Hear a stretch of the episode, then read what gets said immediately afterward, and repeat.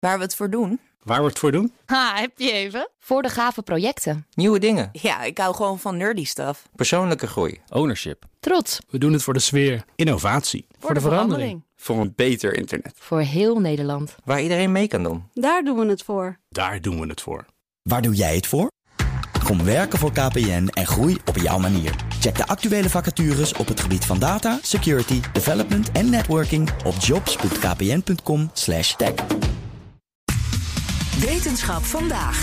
De James Webb ruimtetelescoop is na een maand reizen op zijn bestemming aangekomen en bevindt zich nu anderhalf miljoen kilometer van de aarde. Wetenschapsredacteur Carlijn Meinders, jij hebt één van de system engineers gesproken. Hoe spannend is het in de controlekamer op het moment? Ja, ik heb even bijgepraat met Maurice de Platen van ESA. We spraken hem eerder al over wat Webb precies gaat onderzoeken en wat de spannende stappen zouden worden tijdens die eerste fase. Nu zijn we dus een maand verder. De telescoop is nog niet klaar voor actie, maar deze week was er wel weer een belangrijke mijlpaal. De meest recente mijlpaal die we gehaald hebben, dat was eigenlijk de laatste mid-course correctie. Uh, in onze L2 Halo Orbit, hoe dat dan heet.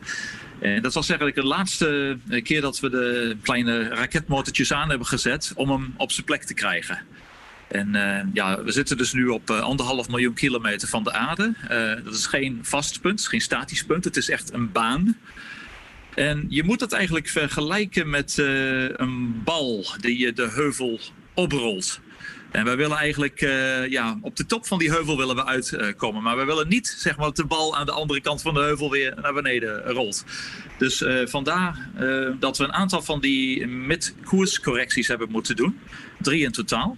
En de laatste daarvan die hebben we eigenlijk net achter de rug. En die ging goed. Dus ja, we zijn nu heel gelukkig met onze baan. En ja, dat is een heel goed startpunt. Ja, hun baan zijn ze gelukkig mee. Drie van die koerscorrecties dus. Was dat ook wat ze hadden verwacht? Ja, dat was exact wat ze hadden verwacht. Dat is natuurlijk allemaal heel uitgebreid Oh ja. berekend. Hè. Je moet niet uh, vergeten dat de voorbereidingen voor deze missie begonnen in 1996.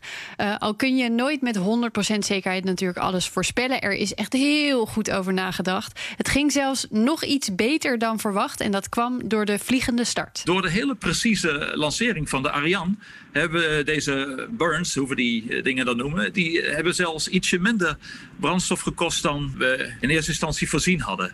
En dat is uiteindelijk allemaal weer heel goed voor de levensduur van de missie. Dus uh, ja, de missie moet minimaal vijf jaar functioneren. Het doel was altijd tien jaar. Uh, en dat ziet er allemaal heel erg goed uit. We hebben zeg maar, meer dan genoeg brandstof nu aan boord om uh, dat te kunnen vervullen. Ja, nu zit hij dus op zijn plek in die baan, maar daar hangt hij niet stil, neem ik aan. Nee, hij uh, zit nu dus inderdaad in de goede baan. hij hangt niet stil. En die baan zelf heeft overigens zelf ook weer een diameter van anderhalf miljoen kilometer. dus dat is een hele brede baan. Pittige baan, ja. te, platen, ja, ja, ja, te platen vertelt iets meer over waar hij nu zit en waarom hij nou precies daarheen is gestuurd. Ja, de baan rond het tweede Lagrange-punt. Ja, wat er eigenlijk gebeurt is dat uh, de aantrekkingskracht van de zon en de aantrekkingskracht van de uh, aarde, die worden zeg maar gecombineerd. En daardoor kan James Webb, net als de aarde, een baan rond de zon maken in precies een jaar. En dat is voor ons een groot voordeel, want dan hebben we altijd uh, een mooie zeg maar, connectie voor alle downlinks en uplinks van de data. En ja, dat was precies de bedoeling. Dat is nu allemaal mooi gelukt. En hoe waren die eerste weken eigenlijk voor hem? Want dat lijkt me heel erg spannend. Ja, ja, het uitklappen van alle onderdelen, hè, dat hebben ze de, in die eerste maand gedaan. Van het zonneschild, van de spiegel. Daar hield iedereen wel even zijn adem bij in. Uh, maar ook dat ging allemaal vrijwel helemaal volgens plan. Hmm, vrijwel helemaal. Wat gaat er dan bijvoorbeeld Ja. net niet helemaal volgens plan? Dan gaat, het, uh, dan gaat het om voor de engineers kleine dingetjes. Bijvoorbeeld dat hele grote zonnescherm, hè, dat is zo groot als een tennisbaan. Dat zijn vijf lagen. Dat zit, wanneer je lanceert, zit het helemaal opgerold. En daar zitten ook bepaalde beschermende covers zitten er overheen. Nou, alvorens je gaat uitklappen, moeten eerst die covers die moeten worden weggerold. En als ze dat doen, dan drukken ze kleine sensortjes in. En die geven dan aan van, joh, deze cover is helemaal weggeklapt.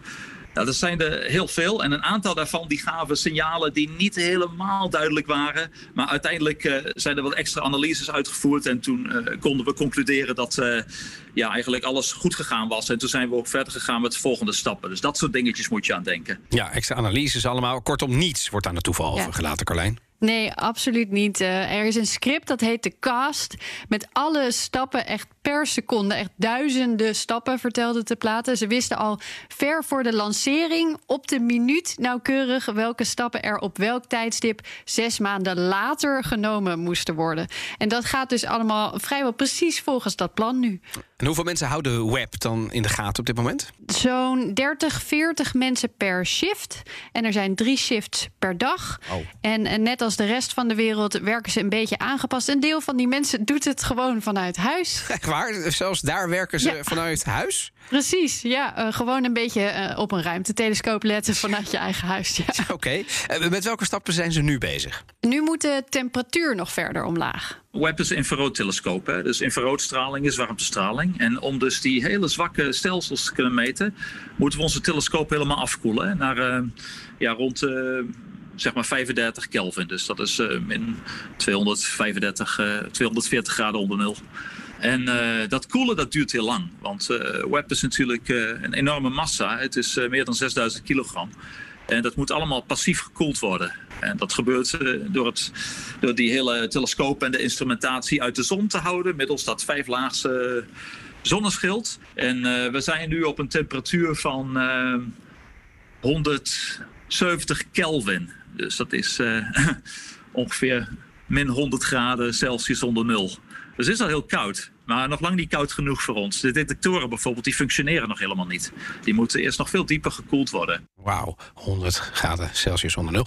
Hoe lang zijn ze daar nog mee bezig, Carlijn? Nog uh, ongeveer een maand. En tijdens de periode worden ook uh, één voor één de instrumenten aangezet. Uh, gekalibreerd. De spiegels worden precies op de goede plek ge gezet. Dus allemaal nog best wel heel erg spannend dus de komende tijd. Over een maand weer een update? Dat lijkt me een uitstekend plan. Carlijn, dankjewel. Bij BNR ben je altijd als eerste op de hoogte van het laatste nieuws. Luister dagelijks live via internet. Bas van Werven. En heel langzaam komt de zon op rond dit tijdstip. Je krijgt inzicht in de dag die komt op BNR, het Binnenhof in Nederland en de rest van de wereld. De Ochtendspits. Voor de beste start van je werkdag. Blijf scherp en mis niets.